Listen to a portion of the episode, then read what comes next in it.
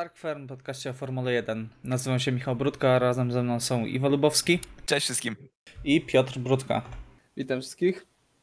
E, Jesteśmy po wyścigu o Grand Prix Styrii e, i trzeba uczciwie powiedzieć, że nie był to najciekawszy wyścig. Liczyliśmy chyba wszyscy na troszkę więcej.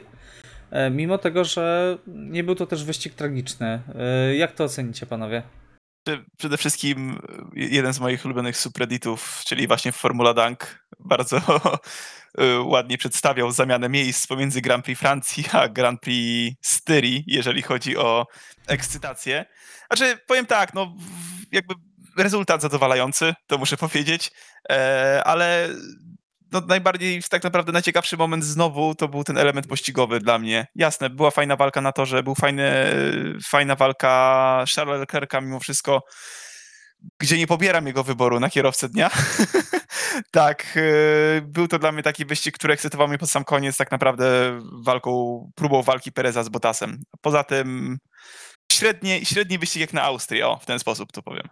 Piotr, jak sądzisz, kiedy nas znudzi dominacja Red Bulla? Czy to już nas znudziło?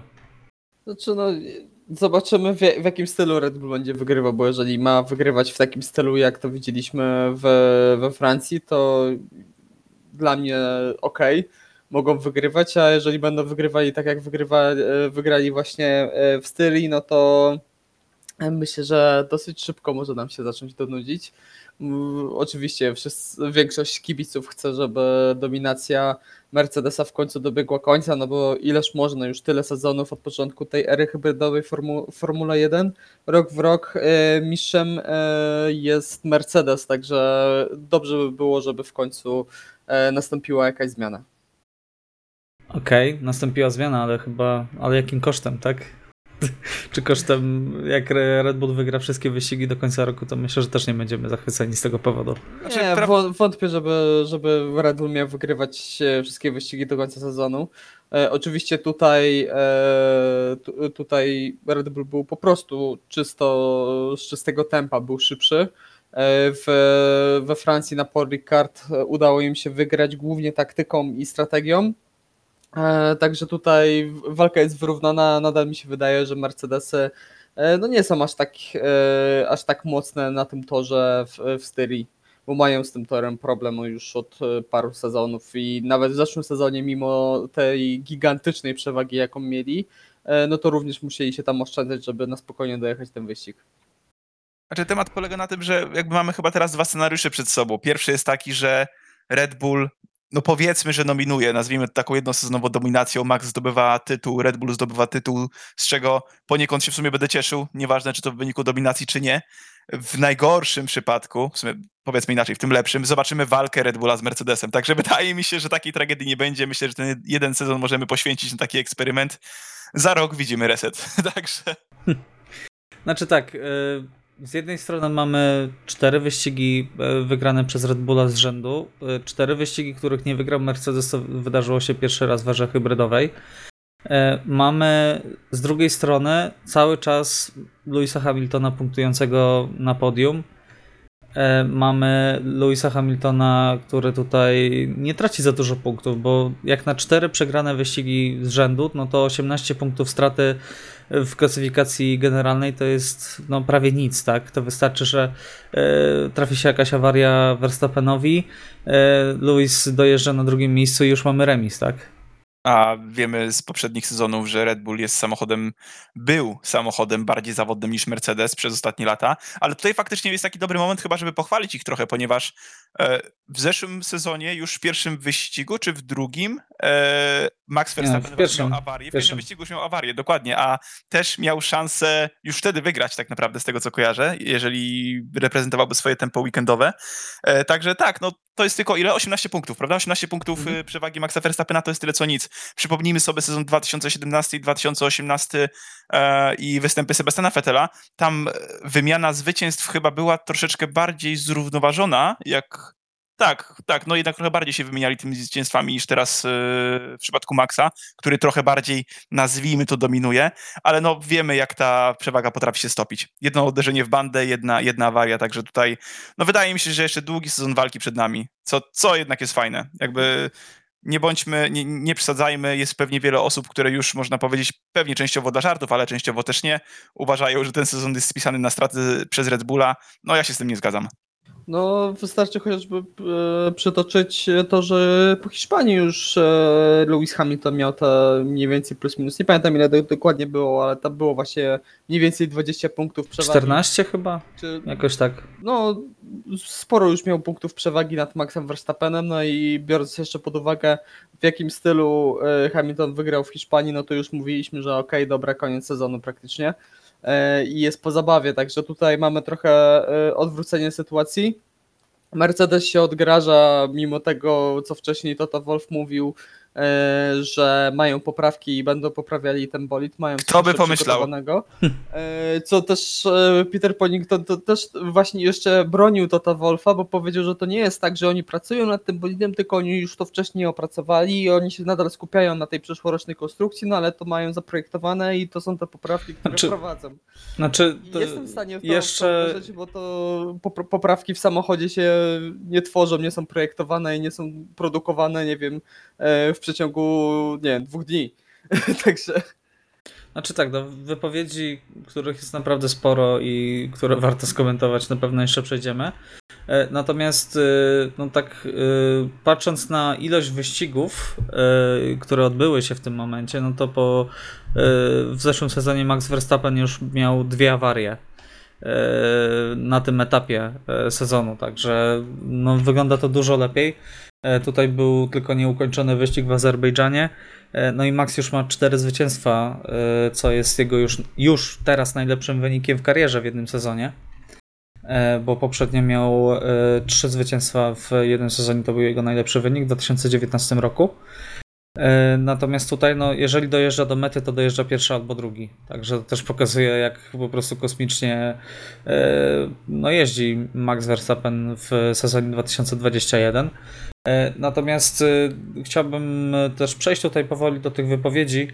E, mm, Zacznijmy może od Toto Wolfa, który powiedział, że wiele rzeczy powiedział w ten weekend, natomiast bardziej, najbardziej rzuciło mi się w oczy to, że powiedział, że po raz pierwszy od 8 lat nie mieli tempa w wyścigu. I no trudno się nie zgodzić, prawda? Nie, ja się nie zgodzę. szczerze Znaczy nie powiedziawszy, mieli tempa, żeby zagrozić, y, żeby wygrać wyścig, tak? No bo jednak Luis y, przed pit stopem już tam tracił około 10 sekund do Verstappena. Meksyk 2018, jeżeli dobrze pamiętam, Austin. To były dwa takie wyścigi, w których no, oni byli z tyłu i bywały już takie wyścigi e, w przeszłości w e, erze hybrydowej, e, że Mercedes no, nie był najszybszym samochodem i nie byli w stanie być e, najszybsi na torze e, i nie mieli czystego tempa wyścigowego, żeby ten wyścig wygrać. Ja tutaj widzę, że zarówno e, i Toto Wolf i Lewis Hamilton usilnie od początku sezonu stawiają się na pozycji tych słabszych, tych gorszych, tych, którzy mają mniej tempa, ale i tych, którzy muszą gonić za Red Bullem cały czas, e, co no, jest trochę trochę śmieszne, biorąc pod uwagę, no, ile sezon, że od 2014 roku be- bez przerwy oni wygrywają w tej Formule 1. Okej, Iwo, jak to skomentujesz? Znaczy, no tutaj jeżeli chodzi o to, mówię, jakby wiele jest słów, które są w tym momencie przesadzone. E, przede wszystkim, które słyszymy z, z, z- garażu Mercedesa. Jakby ja doskonale rozumiem, dlaczego jest to ro, e, e, robione, e, bo jednak e, no, też taki Lewis Hamilton musi wytłumaczyć się swoim fanom, dlaczego tych wyścigów nie wygrywa. E, ile jest szczerości w gratulowanie drużynie przeciwnej, to no, sami tylko możemy się domyślić. Natomiast, tak jak wspomniałem na początku, to jest dopiero parę, jest dopiero parę wyścigów za nami, przewaga jest nieduża. E, fakt, jest to. Początkowo był to najlepszy start sezonu dla Louisa Hamiltona. W tym momencie jest to chyba najgorszy start sezonu dla Mercedesa, biorąc pod uwagę ilość porażek z rzędu. E, pierwszy raz, tak jak Michał powiedziałeś wcześniej, w erze hybrydowej. Tak, e, no, piłka jest w grze E, i no, w tym momencie nie jesteśmy w stanie nawet przewidzieć. Jak, moim zdaniem wszystkie zdania y, mówiące o tym, że ten sezon jest wygrany przez Red Bulla jest, no są po prostu najzwyczajniej w świecie przesadzone, bo no, pamiętamy, co się działo w tych poprzednich latach, ja tutaj nie będę się już powtarzał, ale mimo wszystko jest jeszcze zbyt wczesny etap sezonu, zbyt mała przewaga Red Bulla i Maxa, aby móc tak naprawdę co, coś więcej wyrokować. Natomiast zupełnie nie dziwię się temu, że Mercedes y, chce jednak inwestować w samochód, a, bo no mówmy się, jakby Lewis powinien, musi wręcz przebić e, rekord e, Michaela Schumachera i jak nie stanie się to w tym sezonie, jeżeli faktycznie nie postarają się wyrwać tej szansy, istnieje prawdopodobieństwo, że no w kolejnej erze będzie im jeszcze ciężej. Także no, no tak, działać. ale mamy z drugiej strony y, właśnie nadchodzący przyszły sezon, gdzie już naprawdę non-stop przewijają się te wypowiedzi, że my już skupiamy się na przyszłym sezonie, my już skupiamy się na przyszłym sezonie, y, a Red Bull mówi, no my nadal będziemy rozwijać ten bolid, y, my tego nie wypuścimy. Helmut Marko powiedział, że nie chcą popełnić błędu BMW Zauber z 2008 roku, no o tym tutaj wielokrotnie rozmawialiśmy, także myślę, że wszyscy wiedzą na czym to polegało. BMW po tym jak e, Robert Kubica wygrał e, w Grand Prix Kanady, miało ustalone po prostu w planie, w rozwoju tak, zespołu, że po tym wyścigu o Grand Prix Kanady, niezależnie co tam się stanie, kończą rozwijać bolid, nie zamierzają dodawać części, które już nawet były przygotowane, praktycznie przetestowane i dawałyby dużo E, dużo osiągów, e, tylko skupili się na roku 2009. E, no a w roku 2009 mm, no, nie trafili kompletnie z konstrukcją i nie liczy się w ogóle w walce o mistrzostwo i Helmut Marko chce uniknąć tego błędu E, gdzie pojawiają się nawet wypowiedzi Mercedesa, że jak e, Red Bull nie skupi się teraz na, e, na rozwijaniu bolidu na 2022 rok, no to straci ponad 2 sekundy i 2 dziesiąte na okrążeniu. Helmut Marko powiedział, że no jakoś będziemy musieli sobie poradzić. Także, także jak to skomentujecie? Czy, czy Red Bull robi błąd rozwijając cały czas bolid, czy, czy jednak uważacie, że trzeba brać to, co, to na co masz szansę, a to, co będzie w przyszłości, no to będziesz się martwił później. Znaczy, ja mam takie zdanie, że jedni i drudzy e, tak chcą przeciągnąć e, ten drugi zespół do, do, do swojej filozofii. Tak e, Red Bull chce, e, wydaje mi się, odwieść trochę e, Mercedesa od e, tego, żeby E, nie skupiali się tak bardzo, nie angażowali tak dużej ilości pracowników do właśnie konstrukcji na przyszły sezon. A z drugiej strony Mercedes chce, żeby jak najbardziej Red Bull odpuścił już ten sezon, żeby nie musieli tak bardzo, no może nadrabiać i dociągać właśnie do Red Bulla, także tutaj jest takie przeciąganie liny, taka, taka gra słowna w mediach, żeby wywrzeć presję, żeby wywrzeć zmianę decyzji co odnośnie podejścia. A mam takie wrażenie, że jedni i drudzy podobne, mają podobne obłożenie, jeżeli chodzi właśnie o te moce przerobowe, e, jeżeli chodzi o rozwój tegorocznej konstrukcji, jak i e, właśnie planowania przyszłorocznych, przyszłorocznych samochodów, bo też trzeba wziąć pod uwagę, że że to nie jest, zespoły znają E, te wymogi regulaminowe nie od wczoraj, nie od, nie wiem, stycznia, tylko mog, mogli już e, się z nimi zapoznać i wiedzieli o nich e, już naprawdę znacznie wcześniej, także te prace naprawdę wydaje mi się, że już trwają od długiego, długiego czasu. Zwłaszcza, że te zmiany miały być już wprowadzone w tym roku i regulamin techniczny był ustalony jeszcze w październiku 2019 roku. Dokładnie. Więc wszyscy już dokładnie wiedzą, co tam jest, wiedzą, z czym to się je, że tak powiem. E, I teraz no, jest trochę przyciągania liny. A jak e, skomentujecie może e, te wszystkie doniesienia odnośnie poprawek silniku Red Bulla, bo Red Bull z jednej strony mówi, że no poprawili tylko to, co mogli poprawić, czyli, czyli niezawodność. Mercedes strasznie się uczepił tej dużej E, prędkości na prostych, e, gdzie Red Bull im ponoć bardzo odjechał i to e, sugerują bardzo, że, to, że te tłumaczenia Red Bulla są pokrętne i trzeba się tym zainteresować. I co uważacie, czy, czy Red Bull naprawdę coś wykombinował, czy, czy jednak to jest po raz kolejny takie przeciąganie liny, zrobienie kolejnej afery, jak z tylnym skrzydłem, które ostatecznie przeszło wszystkie testy?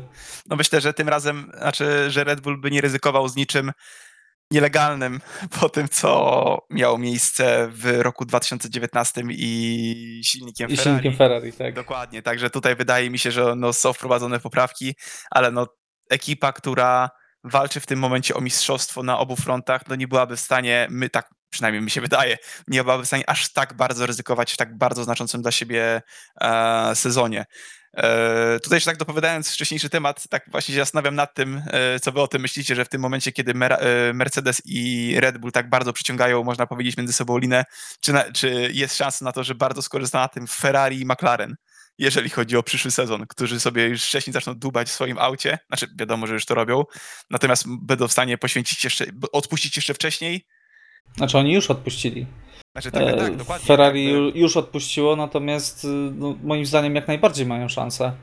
E, No, na tym Red Bull stracił w 2013 roku, e, że pracowali jeszcze, kiedy pierwsza część sezonu była bardzo wyrównana z Mercedesem wtedy i pracowali do samego końca nad bolidem na 2013 rok. Po przerwie wakacyjnej przywieźli mnóstwo poprawek e, i wygrali w cugach. Wtedy Sebastian Vettel wygrał 9 wyścigów z rzędu. E, tak już mówiąc o dominacji e, jednego zespołu, jednego kierowcy. E, No ale w 2014 byli w lesie, jeżeli chodzi o silnik. Także tutaj myślę, że dwa zespoły teraz zaangażowane w walkę w tym sezonie e, mogą stracić na tym, że e, reszta zespołów traci tak dużo, a trzeba przyznać, że naprawdę ta przewaga między Mercedesem i Red Bullem a całą resztą stawki jest no, przerażająca e, że ta przewaga, no, mam nadzieję, y, zniknie w przyszłym roku. Nie wiem, jak ty, Piotrek, uważasz.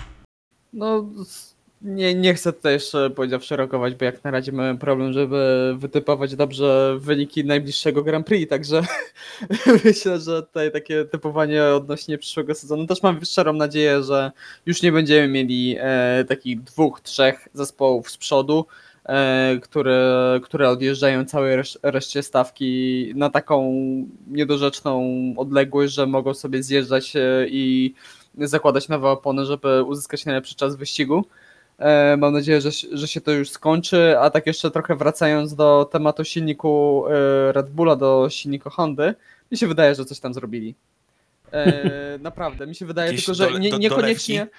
Tak, mi się, mi się wydaje, że to jest e, kwestia e, coś podobnego, właśnie może, może jakaś mieszanka paliwa, może coś tam jest dodatkowo dodane, co akurat dało, daje im więcej mocy, E, bo no, oczywiście Mercedes zawsze szukał rywali, czego tylko może znaleźć, co jest najlepszym przykładem, najlepszym przykładem tego jest, e, e, są te ograniczone pit stopy, O tym też za chwilę porozmawiamy. E, dokładnie.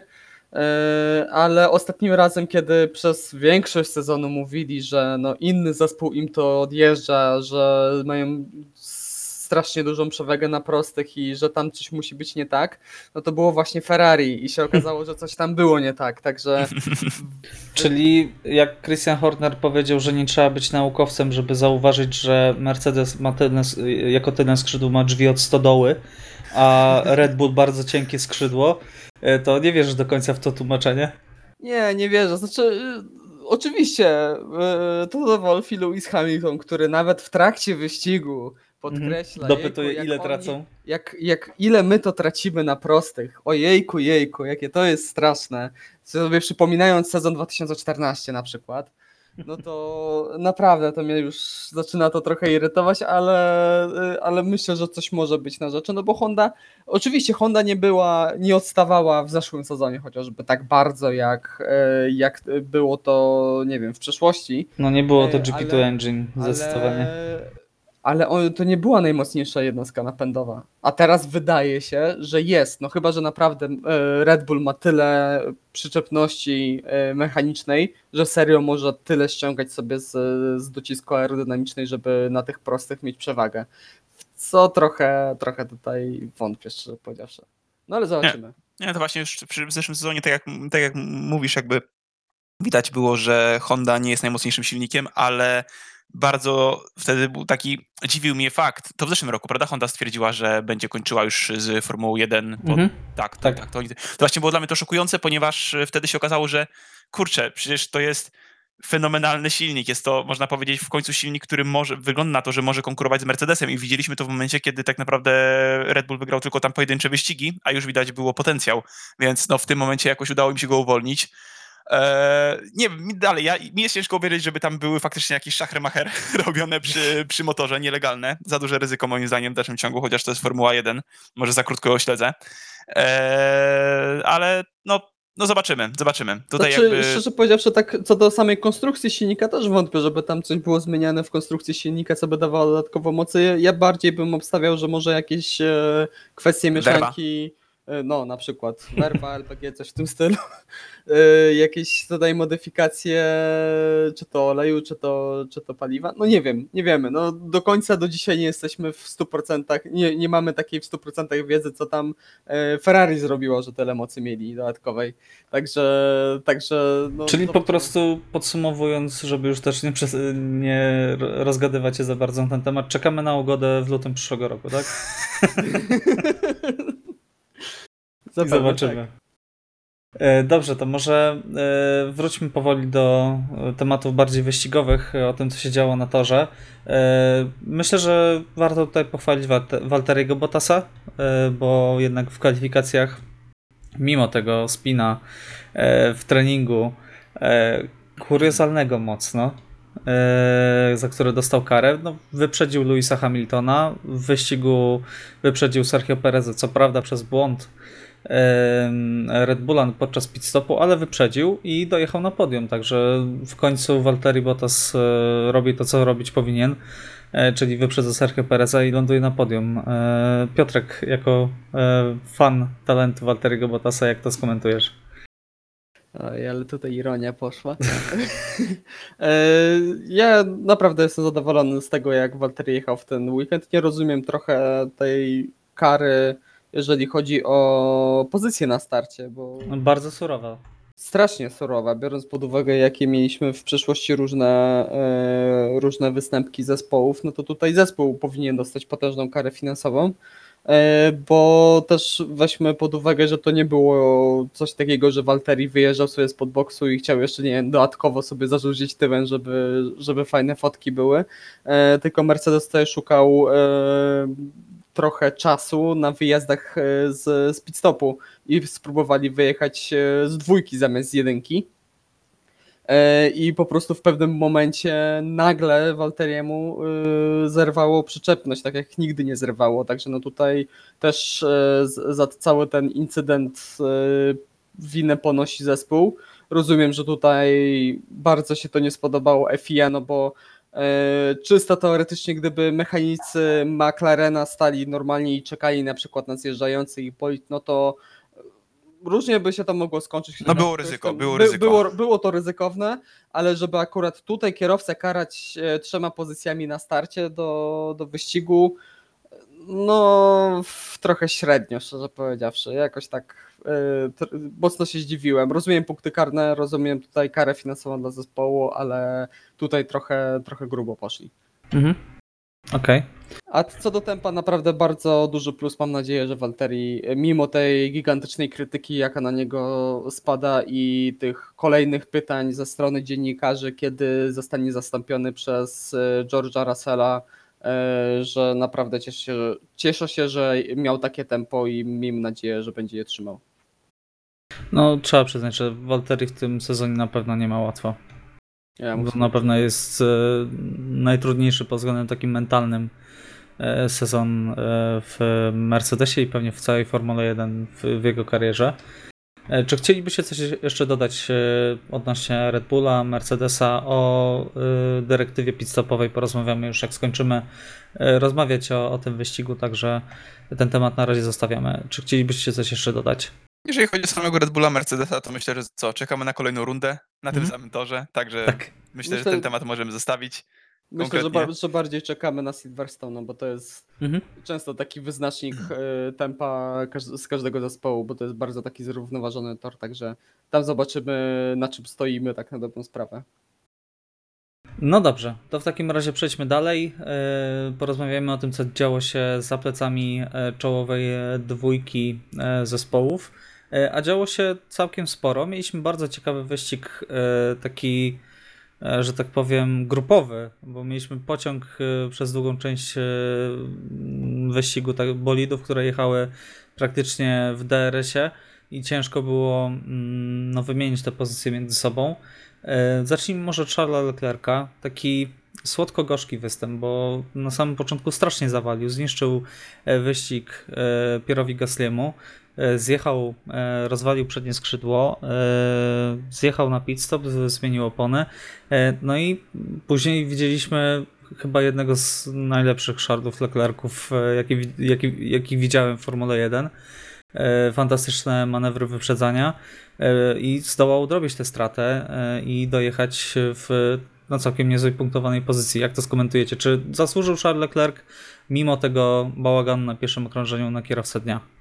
Znaczy, mi ciężko było zrozumieć, inaczej, ja rozumiem, co kierowało osobami, które głosowały na Charlesa Leclerca, jak, jak najbardziej, bo jednak, e, umówmy się, skończył mm, zaraz na początku wyścigu tak naprawdę znalazł się, po początku, po starcie wyścigu znalazł się na ostatniej pozycji, z której to odrabiał te pozycje przez cały wyścig, na, kończąc na pozycji siódmej. E, już po drodze tak bardzo nie nabroił, chociaż tam był mały kontakt z Kimim Raikkonenem e, na, na gdzieś chyba w połowie czy w trzech czwartych wyścigu. E, także sam, sam e, można powiedzieć, samo odrabianie pozycji w jego wykonaniu jak najbardziej na plus. Początek, no zepsuł wyścig Gasliemu, który gdzieś tak był taką naszą gwiazdą po kwalifikacjach, prawda? Która tam była pozycja Gasliego? Szósta? Szósta, dokładnie. Szósta, Także tak. rewelacyjne tempo w trakcie weekendu i olbrzymia szkoda. E, natomiast, no co, stało się, szkoda. Osobiście zagłosowałbym pewnie na Carlosa Sainza, który również wykazał bardzo dobre tempo, jeżeli mamy już chwalić jakiegoś innego kierowcę, szczególnie ze stajli Ferrari z 12 na 6. Ale ogólnie można tak naprawdę podsumować, pomijając y, Sainza czy Leclerca, ogólnie występ Ferrari jako bardzo, bardzo udany. A pamiętamy, że zeszłoroczna Austria nie za bardzo podpasowała, przynajmniej drugi chyba wyścig niespecjalnie podpasował e, Ferrari, jeżeli chodzi o, jeżeli chodzi o, o finish. Także są w dobrym miejscu, widać, że są w stanie, są w stanie powrócić osobiście, natomiast na Charlesa Leclerca bym nie głosował, jeżeli chodzi o kierowcę dnia. Okej, Piotrek, zgadzasz się z tym osądem? Znaczy no, tempo miał fenomenalne, naprawdę i tutaj można tylko, yy, tylko się smucić, że doszło do tego yy, kontaktu na pierwszym okrążeniu, yy, bo zarówno zniszczył, tak jak już wspominaliście, zniszczył wyścig yy, Pierowi Gasliemu, yy, ale również, szczerze powiedziawszy, gdyby miał to tempo, które miał, yy, przez cały wyścig bez yy, tego zjazdu na pierwszym okrążeniu, to ja, ja jestem ciekawy, czy on by nie dogonił Lando Norrisa i czy by tam nie walki pomiędzy nimi nie było. E, Także tutaj e, szkoda i co też, a co do tego kierowcy dnia, no to trzeba też wziąć pod uwagę, że to w dużej mierze jest e, konkurs popularności. Mamy pulę kierowców, którzy zrobili coś widowiskowego w trakcie wyścigu i wygrywa ten zazwyczaj, który ma najwięcej, który jest najbardziej popularny wśród kibiców, także tutaj co do tego bym się Dobrze, że nie ma fan boosta E, w Formule 1. Mówię, bardzo dobrze, to jest chyba najbardziej patologiczny pomysł w motorsporcie, naprawdę. E, Ale tak wracając do Formuły 1, e, także myślę, że tutaj nie ma co się za bardzo nad tym tytułem kierowcy dnia pochylać. Tak jak powiedzieliście, e, brawo dla Ferrari, że się po tym, po tym fatalnym weekendzie w, we Francji zdołali podnieść, bo już się baliśmy, że e, spadną i będą, mieli problemy, żeby punktować. No tak, tutaj taką pomocną dłoń e, wyciąga cały czas do Ferrari Daniel Ricciardo, który po raz kolejny rozczarował. No i tak mijają kolejne wyścigi, jak Sergio Perez się odkuł, jak Sebastian Vettel się odkuł, jak Fernando Alonso e, no wygląda coraz lepiej na tle mm, Estebana Ocona. E, tak, no Daniel Ricciardo miał ten bardzo dobry wyścig we Francji. A tutaj znowu y, no, Lando Norris walczący tutaj w kwalifikacjach no, od drugi rząd praktycznie. E, Daniel Ricciardo nie wchodzi do Q3. E, W wyścigu Ricciardo zaczyna dobrze, później ma problemy z wyścigiem, ale e, z wyścigiem, z silnikiem. E, Natomiast później, kiedy te problemy są rozwiązane, no nie przebił się do Nie punktów. wraca, dokładnie. Dokładnie, także no, jak skomentujecie, czy nadal uważacie, że Ricciardo powinniśmy dać trochę czasu? E, czy no to już jest takie mocne rozczarowanie tego sezonu. Daniel Ricciardo jest takim kierowcą, y, kierowcą któremu, któremu ja bym z chęcią dawał zawsze trochę więcej czasu, bo chyba no, nie, nie znam chyba osoby, która Daniela Ricciardo by nie lubiła jako, jako osoby, przynajmniej tak z z perspektywy widza. E, ale tak, jakby na poziomie już tego wyścigu e, Grand Prix Styrii, no można powiedzieć, że już gdzieś zaczyna nie tyle jakoś tak trochę zawodzić oczekiwania, ale rozczarowywać.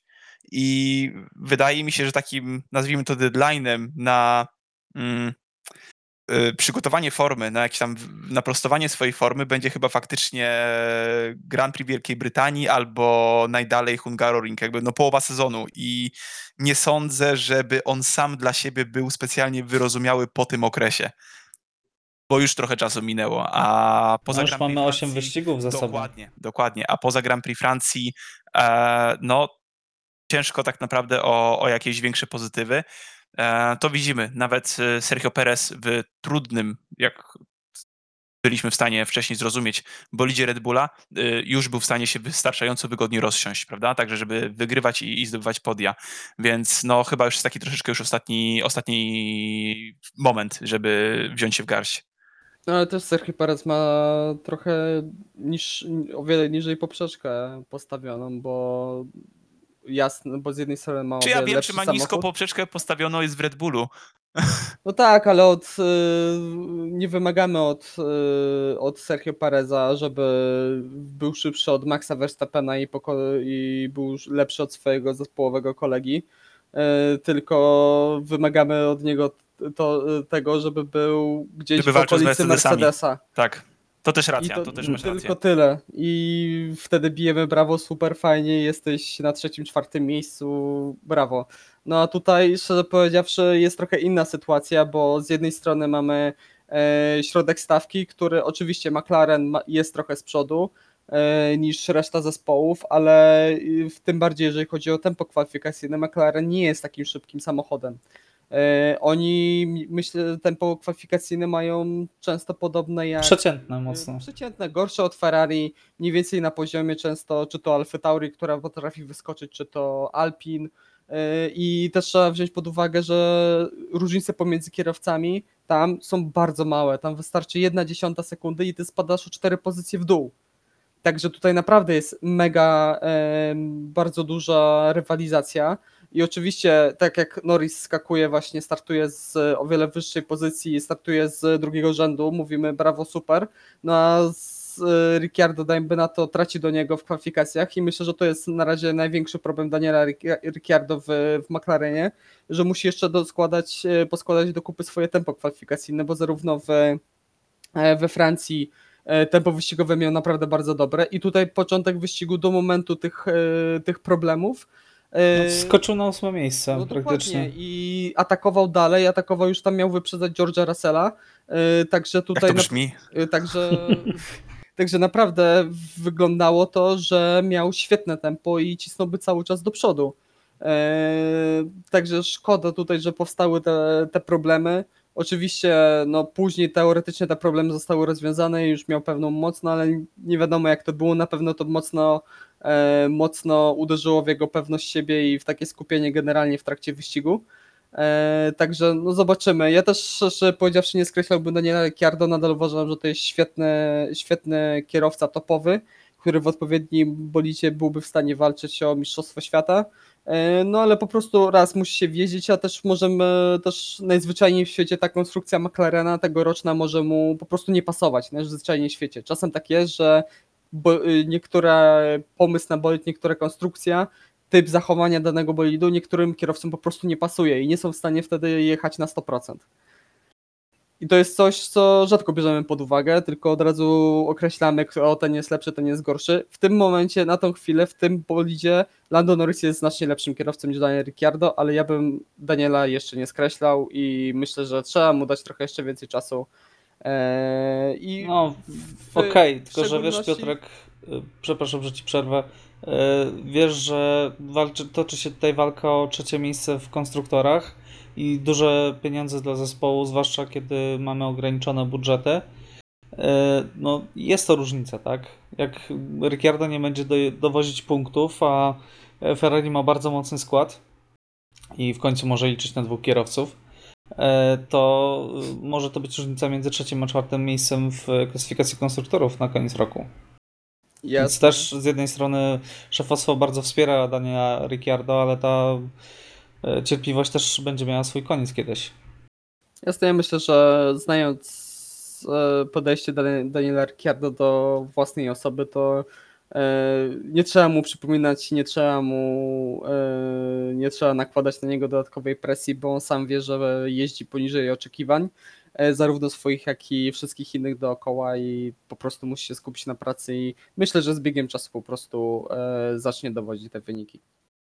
Okej, to postawmy tutaj kropkę, przejdźmy do kolejnego kierowcy, chyba największego pechowca e, po tym weekendzie. E, George Russell. E, Kiedy pojawia się sytuacja, w której Williams naprawdę może zdobyć punkty, e, bo mieliśmy fantastyczny występ Russella w e, sobotę. E, Zabrakło mu 8 tysięcznych do wejścia do Q3, co jest po prostu Historycznego. jakimś kosmosem dla, dla tego zespołu. E, Startuje z 10 miejsca, bo Yuki Tsunoda dostaje karę. E, Dobrze startuje, co wielokrotnie podkreślaliśmy, że George Russell traci na starcie bardzo często miejsce. Tutaj e, awansował dzięki temu zamieszaniu Leclerca i Gastiego. E, Jedzie e, tuż za Fernando Alonso na pra- prawie czele tego pociągu. Ma szansę zaatakować Fernando Alonso i przytrafia się awaria silnika, która najpierw powoduje bardzo długi pit stop, później no, eliminuje go praktycznie z wyścigu i no, taki załamujący bardzo wyścig dla, dla Williamsa, bo zapowiadało się naprawdę na, w końcu na te punkty. Przypomnijmy, że oni już prawie dwa lata czekają na punkty, a tak naprawdę y, zdobyte na torze bez ingerencji sędziów na punkty to czekają chyba od 2017 roku, 18? 18. Tam chyba ze 3 czy 4 punkty uciłali w Tak, po- po- 2018. pojedyncze punkty. Eee, zgadza się. No tutaj jakby w końcu można było zobaczyć, tak jak wspomniałeś, Russella, który wystartował, nie stracił pozycji. Ja sam na początku mówiłem tak trochę, no prześmiewczo, bo jak ciężko, ciężej, ciężej było mi ocenić Williamsa w inny sposób niestety, e, że straci 3 do 5 pozycji na pierwszym okrążeniu, po czym faktycznie byłem w głębokim szoku, że nie tyle, że nie stracił, to jeszcze się utrzymuje i próbuje ugryźć Alonso. E, I naprawdę uważam, że odwalił świetną robotę. Chyba dawno nie widziałem. da- Dawno żaden pit stop nie był dla mnie tak przykry, jak ten pit stop George'a Russella, gdzie e, mam wobec niego raczej stosunek neutralny. Wiem, że jest kierowcą z gigantycznym potencjałem e, i wiem, że jest to kierowca, który naprawdę mógłby się wykazać w szybszym bolidzie, co już pokazał w sumie raz. E, Nie zmienia to dalej faktu, że w tym przypadku naprawdę mu współczułem. Bardzo mu współczułem, ponieważ e, była to taka chyba najbardziej realna szansa na punkty. e, Faktycznie wygrane w wyścigu. Więc pech, Czystym pech, pech, tempem. A, tak, czystym Bo tempem, Trzeba to dokładnie. podkreślić. Ale chyba ten samochód no, nie może na limicie jeździć za długo jednak. Albo to, znaczy, to jest też ta kwestia, wydaje mi się, już, która ciągnie się za Mercedesem na tym torze od dawna, prawda? Jakby chyba ten silnik nie za bardzo lubi te wysokości, po prostu. Ja, ja nie, nie jestem do końca przekonany, nie wiem, e, czy to akurat była kwestia silnika jednostki napędowej Mercedesa, bo ja pamiętam, że chociażby w przypadku... Nie był temat chłodzenia właśnie silnika Roberta? Roberta Kubicy, że oni tam coś, e, nie wiem, czy to jest kwestia ciśnień gdzieś tam w środku, czy, czy jakieś pneumatyki, czegokolwiek, ale ja pamiętam, że w przypadku Roberta Kubicy raz czy dwa razy w trakcie sezonu to się zdarzyło, że Robert miał dłuższy e, dłuższy postój, bo oni tam musieli coś, w cudzysłowie mówiąc, podpompować, tak jak tutaj to widzieliśmy. E, uzupełniali ciśnienie w układzie pneumatycznym. To był Dokładnie. problem z jednostką napędową i no niestety to był problem właśnie z tym ciśnieniem e, w układzie pneumatycznym i to doprowadziło do, do wycofania Russella. No, także, także tutaj naprawdę duży, duży pech George'a, bo to nie była jego wina miał naprawdę fenomenalny weekend, zarówno w sobotę, gdzie no, też można już to mówić, że trochę pechowo, bo naprawdę świetne kółko przyjechał w Q2 i mu bardzo, bardzo mało zabrakło właśnie do dostania się do Q3, co byłoby naprawdę e, mega osiągnięciem. E, No i w sobotę, tak jak mówiliście, start bardzo dobry, co jest rzadkością w wykonaniu George'a. Jechał naprawdę bardzo dobrym tempem. Oczywiście wyścig jest długi, i nie wiadomo jakby się to skończyło, nie wiadomo jakby strategia wypaliła, jakie George miałby tempo na innej e, mieszance opon, bo też trzeba wziąć pod uwagę, że w porównaniu do samochodów przed nim e, te opony miał świeższe, także też może dzięki temu był w stanie się trzymać e, czy nawet nadganiać nad nimi, ale no, no szkoda i mam naprawdę wielką nadzieję, że e, będzie miał takie same tempo również w najbliższy weekend i, i, i że w końcu zdobędzie te punkty, bo naprawdę w tym momencie Udowodnił, e, w- że e, po prostu na nie zas- zasługiwał. Na tyle, ile jechał w tym wyścigu, to naprawdę zasługiwał na te punkty. E, George wspomniał właśnie, że miał bardzo duże szanse na wyprzedzenie Fernando Alonso i na dowiezienie tego siódmego miejsca e, do samej mety. Natomiast e, no, to jest chyba jedyne pocieszenie dla Williamsa, że wyścig odbywa się już ten weekend na tym samym torze e, i mogą liczyć na to, że, e, że ten, tym razem nic się nie wydarzy z tą jednostką napędową i że będą dysponować, e, że będą równie konkurencyjni co w ostatnią niedzielę. E, Natomiast tak jak, tak jak e, mówiliście, no strasznie szkoda e, tego George'a Russella, to wygląda jakby po prostu na nim jakaś klątwa ciążyła. E, już z tej pozycji oczywiście kibice w memach e, wspominają klątwę Roberta Kubicy. E, nie wiem na jakiej zasadzie miałoby to działać. E, ale... Robert zawsze zdobywał punkty, także No tak, także e, życzymy George'owi więcej szczęścia po prostu, bo, bo umiejętności są e, i, i chyba, chyba to jest kwestia czasu, tak? E, Aż te punkty przyjdą, mamy nadzieję, że to będzie już w niedzielę. Czy, czy- czy, czy to już tak? trzeci rok? E, No tak, to już trzeci sezon leci. No były te punkty w Bahrajnie, tak? Kiedy jeździł z Mercedesem, także ten licznik na szczęście się zatrzymał. po zwycięstwo, nie? Także pamiętajmy No tak. No klątwa była, tak? Tak. Tylko, że jak jeździsz Mercedesem z zeszłego roku, e, no to nawet jak masz klątwę, to jednak jesteś w stanie dojechać w punktach. To prawda. E, Dobrze, to przejdźmy dalej. E, Czy chcielibyście kogoś jeszcze wyróżnić tutaj? E, Mam tutaj zapisane, że Fernando Alonso jest coraz lepszy.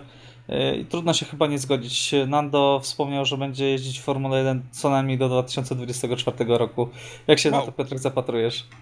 Ja z chęcią, bo wiecie, jak, jak cenię Fernando Alonso i że jestem naprawdę wielkim fanem jego talentu, e, ale do takich wypowiedzi długoplanowych to w przypadku tego kierowcy bym się jakoś bardzo mocno nie związywał. Nie wiadomo, równie dobrze za rok może powiedzieć, że on to już ma dość tego. W Alpin go nie, nie zadowala, nigdzie indziej nie dostanie miejsca, to on już nie chce jeździć. Ale Także, także jedna- to, to jest jedna rzecz. Jedna rzecz właśnie dodatkowa, na którą zwróciłem uwagę podczas tego weekendu, taka trochę kontrastująca z tym, do czego nas przyzwyczaił ze swoich e, komunikatów radiowych z zeszłych lat, to był ten chyba moment, czy to, to były chyba kwalifikacje? E, koniec jednego z okrążeń, gdzie wspomniał, że niezależnie, czy to było szybkie kółko, jak, jak, jak to kółko było szybkie, czy też nie, jechało mu się świetnie, bawił się świetnie i ogólnie dziękuję za super auto. I jakby to jest coś zupełnie innego, do czego nas chyba przyzwyczaili, bądź osoba odpowiadająca za jego PR powiedziała mu, co wcześniej było nie tak. Także to jeszcze, jeszcze, jeszcze taki może być tym wszystkim akcent. Ale tak, jakby widać już, że e, mam dwie teorie. Jedna jest taka, że Alonso już zna bolid i po prostu no, gdzieś tam jest szybszy niż e, Esteban Ocon na torze. Bądź też Esteban Ocon stwierdził, że ma już podpisany kontrakt i wywali mnie, nie powiem co, nie powiem gdzie. Także, także oczywiście teoria mocno przesadzona e, w, ramach, w ramach żartu, e, ale no nie, no widać, że jest to dwukrotny mistrz świata, widać, że się szybko raczej z tym samochodem, szybko się do tego samochodu przyzwyczaił i a na razie, mimo że ja nie, nie pałam do niego jakąś olbrzymią sympatią, a w tym momencie faktycznie życzę mu, żeby pokazał, że no, taki stary pryk jak on jest w stanie, jest w stanie dalej e, walczyć e, z młodymi i gniewnymi. No Myślę, że przykład tutaj Fernando Alonso doskonale pokazuje to, że ci doświadczeni kierowcy, te, ci kierowcy, którzy jeździli naprawdę wiele lat w tym sporcie, e, nie jest tak, że oni nagle przechodzą, nie wiem, czy to do innego sam bolidu, czy do innego zespołu, czy robią, nie wiem, rok, dwa, e, dwa przerwy, wracają do tego sportu i i nagle zapominają jak się jeździ, kompletnie nie mają pojęcia co tu się dzieje, o co chodzi i tak dalej, tylko oni po prostu potrzebują trochę czasu w spokoju, w dobrych warunkach, jeżeli podpasuje im ta konstrukcja, poznają ją dobrze, no to to doświadczenie, które już mają i po prostu to tem, czyste tempo, które mają w sobie, bo to po prostu trzeba mieć, e, zaczyna po prostu się e, pokazywać i, i widzimy tego efekty. E, Fernando bardzo otwarcie powiedział, e, że e, specjalnie wrócił w 2021 roku, żeby mm, no, otrząsnąć się z niektórych błędów, które musiały się pojawić, które widzieliśmy, e, bo miał e, ofertę, żeby wrócić w 2022, ale wolał wrócić rok wcześniej przed tymi e, nowymi przepisami, żeby, że tak powiem, e, odkurzyć trochę Ro- kierownicę. Rozjeździć, rozjeździć się trochę. Dokładnie pewnie, tak. E, I potraktuje, on, mam wrażenie, że traktuje ten sezon tak trochę rozgrzewkowo, przejściowo. Ciężko to tak powiedzieć lekką ręką, jeżeli mówimy o 40-letnim kierowcy, tak? Ale y, no najwidoczniej Fernando ten rok ma tak y, przekalkulował sobie, że to jest taki rok przejściowy, rozgrzewkowy i może dlatego też te komunikaty są spokojniejsze. Bo nie chce mi się Jeszcze. wierzyć, że 40-letni facet nagle się zmienił i dojrzał. Znaczy wiesz, Nie. tylko krowa nie zmienia poglądów, Michał. Nie, no po prostu też trzeba wziąć pod uwagę, że te bolidy nie są aż tak e, wymagające fizycznie jak e, to, co było, nie wiem, 20 lat temu. To z jednej strony, a z drugiej strony też kierowcy po prostu e, o wiele lepiej są przygotowani fizycznie, o wiele bardziej zwracają uwagę na przygotowanie fizyczne, na dietę, e, co również wpływa na to, że mogą jeździć dłużej generalnie w sporcie widzimy taką tendencję, że gdzie jeszcze te właśnie 15 lat temu, to dajmy na to w okolicach 30, to w większości sportów, no to s- sportowcy szli już na emeryturę e, i kończyli karierę. E, Tak teraz bardzo często w sporcie, czy to właśnie w Formule 1, czy to w piłce nożnej chociażby, e, widzimy, że są zawodnicy, którzy mają 35 lat, czasem nawet trochę więcej e, i nadal grają i nadal dają bardzo dużo jakości, także e, ta granica wieku, w którym e, przechodzi się, dajmy na to na emeryturę, że tak powiem, w sporcie jest cały czas przes- przesuwana coraz dalej. No, Alonso i Zlatan Ibrahimowicz są rówieśnikami. No dokładnie, także i myślę, że temperamentem również do siebie pasują. No tak, zdecydowanie. E, Dobrze, czy kogoś jeszcze chcielibyście wyróżnić? E, Będziemy powoli zamykać e, temat Grand Prix Styrii. E, I mamy jeszcze dwa tematy do, do e, ogarnięcia, także e, czy Chyba- kogoś To chcielibyście chyba jeszcze... prawie wszystkich wspomnieliśmy, tak naprawdę. No W sensie, klasycznie nie powiedzieliśmy nic o Hasie, o Estebanie No, Okonie. nie ma, nie ma, nie, nie ma o czym za bardzo. punktami. To Właśnie, Alfa też, ty, Alfa, Russell jest najbardziej pechowym kierowcą, a ma wrażenie, że Alfa jest najbardziej pechowym zespołem, bo już cztery razy w tym sezonie dojeżdżali na 11 miejscach. No taki, jak- taki plus, że raczej nie, nie ma dużego zagrożenia od dołu, no chociaż jak, jak Znaczy, ja chcę zaznaczyć, jak jeszcze Russell tak, prze, muszę, muszę przerwać, ja chcę tylko zaznaczyć, że Alfa Romeo dostała, oba samochody zostały uszkodzone przez Leclerca, ale tak tylko o tym. No. Okej. No ten drugi raz to już też Kimi tutaj, to, to nie była w 100% wina, wina Wiem, wina ale Charlesa Leclerca. Tak, e, Piotrek, wróć do tematu, o którym mówiłeś. Jeżeli pamiętasz jeszcze. Wiesz co, teraz totalnie mi z głowy wypadło, e, że Kimi Raikkonen jest już za Tak. punktami i szkoda, że tutaj wyścig się trochę lepiej nie dla nich nie ułożył, bo by zdobyli ten punkt. Także to nie była jakaś strasznie głęboko i daleko idąca myśl. Okej, dobrze. No to myślę, że zamykamy e, temat Grand Prix Styrii. E, Teraz porozmawiajmy o e, dwóch tematach. Może zaczniemy od tej małej aferki pitstopowej, która się wytworzyła. W zeszłym podcaście mówiliśmy o tym, że Mercedes bardzo przygląda się sprzętowi, który używa zespół Red Bull przy swoich pitstopach. I mamy też już taką oficjalną dyrektywę od FIA, która spowalnia pitstopy mniej więcej o 2,3 sekundy. Jak to skomentujecie? Bo moim zdaniem y, ciężko y, uzasadnić to bezpieczeństwem, bo opony nie latają po alei serwisowej już od chyba 7 czy 8 lat. Y, I ostatni taki przypadek to był chyba, nie wiem, Mark Webber, tak mi się coś kojarzy. No, Jeszcze w-. Has ok, ale nie było niebezpiecznych sytuacji, gdzie ta opona gdzieś lata po, po alei serwisowej. E, I no, ciężko nie uciec od wrażenia, że to jest zagrywka, która ma osłabić Red Bulla.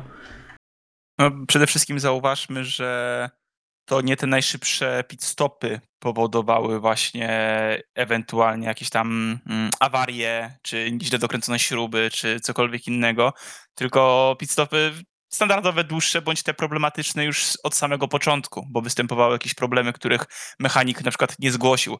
E, tak zapewne było w przypadku chyba Hasa w Australii w 2018, czy tam 2019, czy w obu latach, e, gdzie faktycznie problem występował i zostało to za, z, zakomunikowane troszeczkę za późno, już po wyjeździe. E, nie zmienia to dalej faktu, że te szybkie pit stopy w wykonaniu na przykład Williamsa czy Red Bulla bo nie sądzę, żeby to Mercedes akurat obawiał się Williamsa w tym przypadku, e, to one z reguły są, one są bezpieczne. Ja nie przypominam sobie sytuacji, żeby któryś z tych samochodów wyjechał faktycznie i następnie uległ, nazwijmy to, awarii. Także no chyba nie było takiej bardzo, sytuacji. Jest to, jest to, bardzo naciągane. Osobiście jakby ciężko mi to jakoś inaczej skomentować niż po prostu e, uwierzyć w tę teorię, że po prostu Mercedes chce e, jakoś zrównać się pod tym kątem z, ze swoją konkurencją. Piotrek, jak ty to skomentujesz? Czy to jest troska o bezpieczeństwo, czy no, jesteś zniesmaczony? Bo ja jestem zniesmaczony tą, tą dyrektywą. Jestem bardzo zniesmaczony, tym bardziej, że strasznie szybko to przeszło w ogóle. Mhm. To jest, to jest to, taka ingerencja w aspekt czysto sportowy, moim już, zdaniem. Tak, i to już jest e, po raz kolejny, to już mamy drugą taką sytuację w tym sezonie, kiedy dyrektywy, regulamin bądź e, e, różne tego typu rzeczy są zmieniane w trakcie sezonu i to yy, na papierze jest to na niekorzyść Red Bulla. I mi się to bardzo nie podoba, no bo to jest to, o czym mówimy od dawna. Mercedes dominuje w tym sporcie od 2014 roku yy, i ja sobie przypominam, co FIA robiło w przypadku Ferrari na początku e, lat powiedzmy 2000, cały ten sezon w ogóle e, regulamin na sezon 2005 to mhm. było po prostu jedno wielkie osłabienie Ferrari i w każdy, można powiedzieć, że praktycznie każda jedna zmiana tam była tylko i wyłącznie po to, żeby Ferrari już było wolne i żeby już nie wygrało kolejnego sezonu. Tylko i wyłącznie dlatego. Także tutaj mamy z jednej strony jak Red Bull się o coś, o coś tutaj E, wspiera i uważa, że coś jest nieregulaminowego w przypadku Mercedesa, no to przymykamy na to oko, ok, nic tam jest, jest ok. A tutaj, jeżeli mamy jakieś podejrzenie, że Red Bull, no to już od razu FIA biegnie to zrobić, biegnie to zmieniać i mi się to bardzo nie podoba, bo yy, uważam, że jeżeli nie łamią regulaminu, a nie łamią regulaminu, I tak jak też wspomniałeś, nie latają teraz opony e, po alei serwisowej czy na torze, tak jak to kiedyś było z wężami do tankowania bolidów. E, no to ja tego kompletnie nie kupuję i mi się to bardzo nie podoba, bo po raz kolejny FIA ingeruje w trakcie sezonu na w przebieg tego sezonu po prostu. Na czystą rywalizację sportową i uderza w coś, co Red Bull po prostu wyćwiczył. Tak, no Mercedes bo... nigdy nie słynął z, z szybkich pit stopów. Są bardzo solidni w tym, bo muszą być jako wielokrotni mistrzowie świata, ale Red Bull no, znalazł e, tę przewagę i ta przewaga pozwoliła im e, podciąć na przykład Louisa Hamiltona tak, w Grand Prix Francji. Tak, i myślę, że takie zasłanianie się bezpieczeństwem, no to akurat e, w tym sporcie nie powinno mieć miejsca, no bo jeżeli naprawdę robimy coś z przyczyn tutaj właśnie e, w trosce o bezpieczeństwo, to róbmy to naprawdę w trosce o bezpieczeństwo i akurat FIA, jeżeli chodzi o te e, aspekty tutaj, e, znowu się powtórzę, bezpieczeństwa, to powinna się skupić na tym, dlaczego tak późno wywiesili żółte flagi w baku, a nie tym, dlaczego Red Bull tak szybko robi pit-stopy. Dokładnie. To jest bo, bardzo wygodna wymówka. Tak, bo tutaj naprawdę tą łatkę możemy przylepić praktycznie do każdej decyzji, a widzimy, że od pewnego czasu w tym sporcie jest naprawdę coraz więcej niebezpiecznych, coraz więcej groźnych y, sytuacji na torze i myślę, że e, FIA na tym powinno się skupić, a nie szukanie dziur w całym. Mhm. Okej, okay, to myślę, że mm, wyczerpaliśmy temat. Y, Chyba, że chcecie coś jeszcze dodać, ale myślę, że możemy tutaj postawić kropkę. Jestem jedynie ciekawy, jakby tak. ja zareagowało, jakby w zeszłym roku to Red Bull miał system DAS. Od Grand Prix Węgier by musieli go usunąć. E, dobrze, to przejdźmy dalej. E, ostatni na, na dobrą sprawę przed zapowiedzią e, Grand Prix Austrii temat to spotkanie, które odbędzie się w sobotę. Spotkanie na szczycie E, z producentami silników e, będzie omawiane to, co ma się wydarzyć w formule silnikowej od 2025 roku, bo jak wiemy, te silniki będą zamrożone na początku tej nowej ery. I w, jest o tyle ciekawe spotkanie, że weźmie w nim udział Jean Todt z FIA, Stefano Domenicali, Ross Brown, e, e, Ola Kalenius z Mercedesa, e, będzie przedstawiciel Ferrari, będzie przedstawiciel Renault, e, będzie Dietrich Mateschitz e, i co ciekawe, przedstawiciel Audi i Porsche. I też słyszałem, że ma się pojawić ktoś od Volkswagena. E, od pionu sportowego. Także y, będą omawiane mm, to, jak mają wyglądać silniki, czy w jakim stopniu mają być zasilane tym MGU-H, czy, czy jest to w ogóle potrzebne. E, jak ma wyglądać w ogóle, jak mają wyglądać w ogóle silniki od tego 2025 roku i czy ewentualnie y, mają się pojawić jacyś nowi producenci, bo jak widać zainteresowanie jest. E, także zadam Wam takie pytanie, jakie silniki chcielibyście zobaczyć w Formule 1 od 2025 roku? Możecie puścić wozę wyobraźni. E, Piotrek, wiem, że na pewno masz jakieś ciekawe zdanie na ten temat. V10. odchudzić bolidy o 200 kg i V10, tak? Tak, tak. I jestem szczęśliwym człowiekiem, bo będą brzmiały tak jak kiedyś.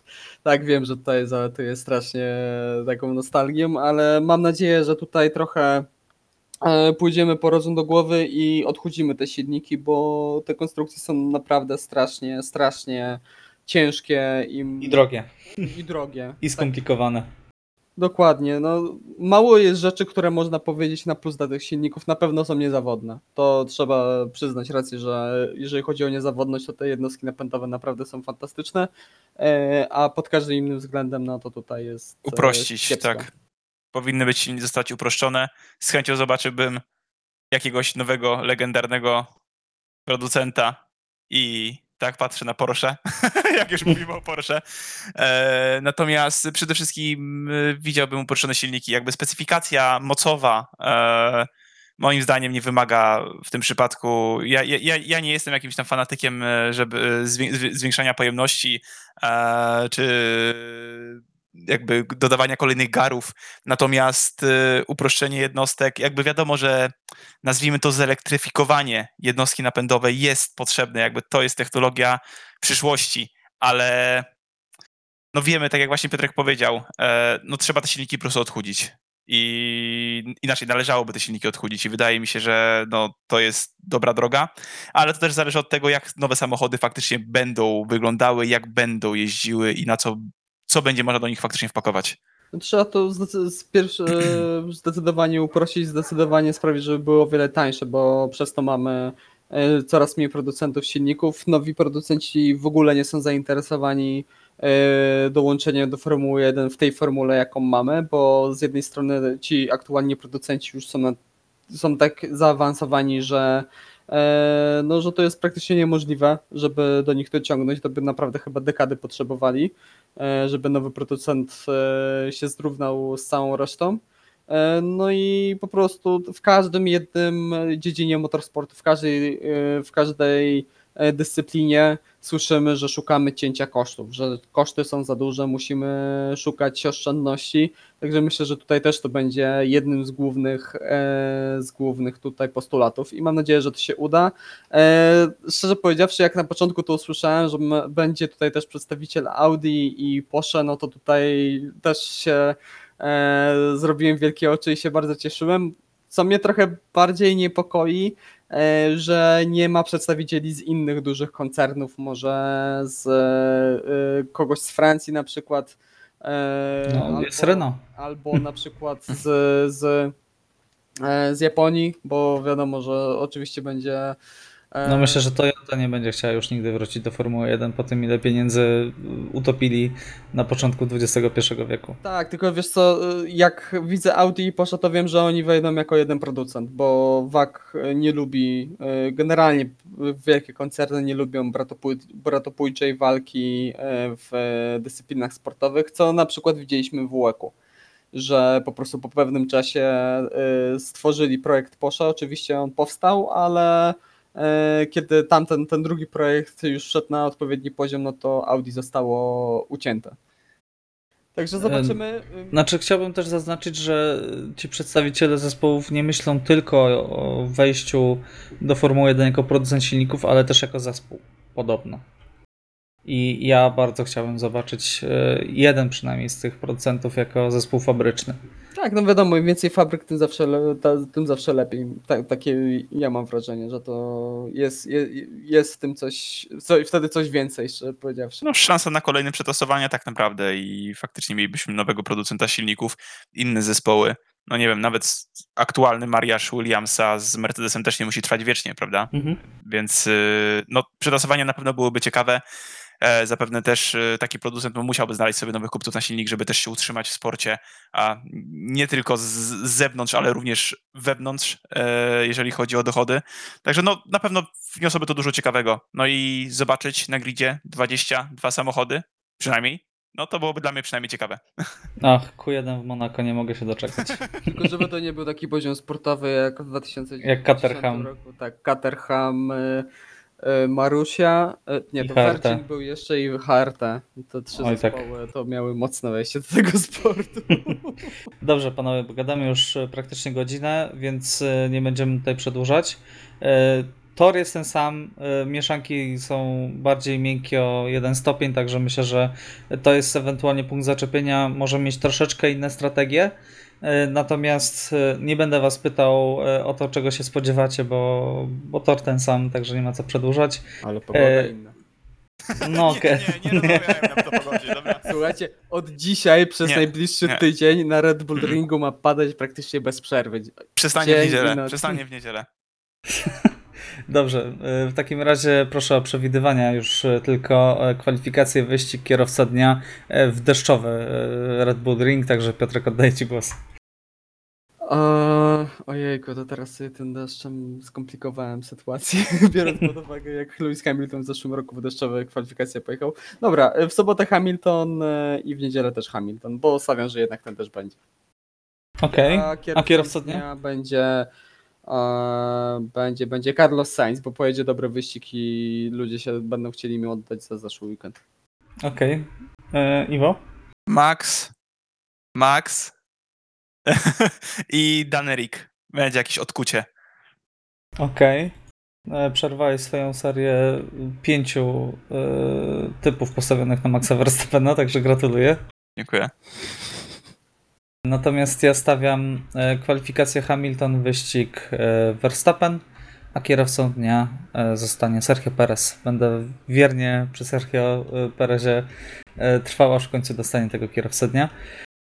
My natomiast dziękujemy Wam bardzo za uwagę, za czas poświęcony na słuchanie naszego podcastu i słyszymy się za tydzień. O Grand Prix Styrii rozmawiali Iwo Lubowski, Dzięki, do usłyszenia. Piotr Brudka Dzięki, cześć. i Michał Brudka. Trzymajcie się, cześć.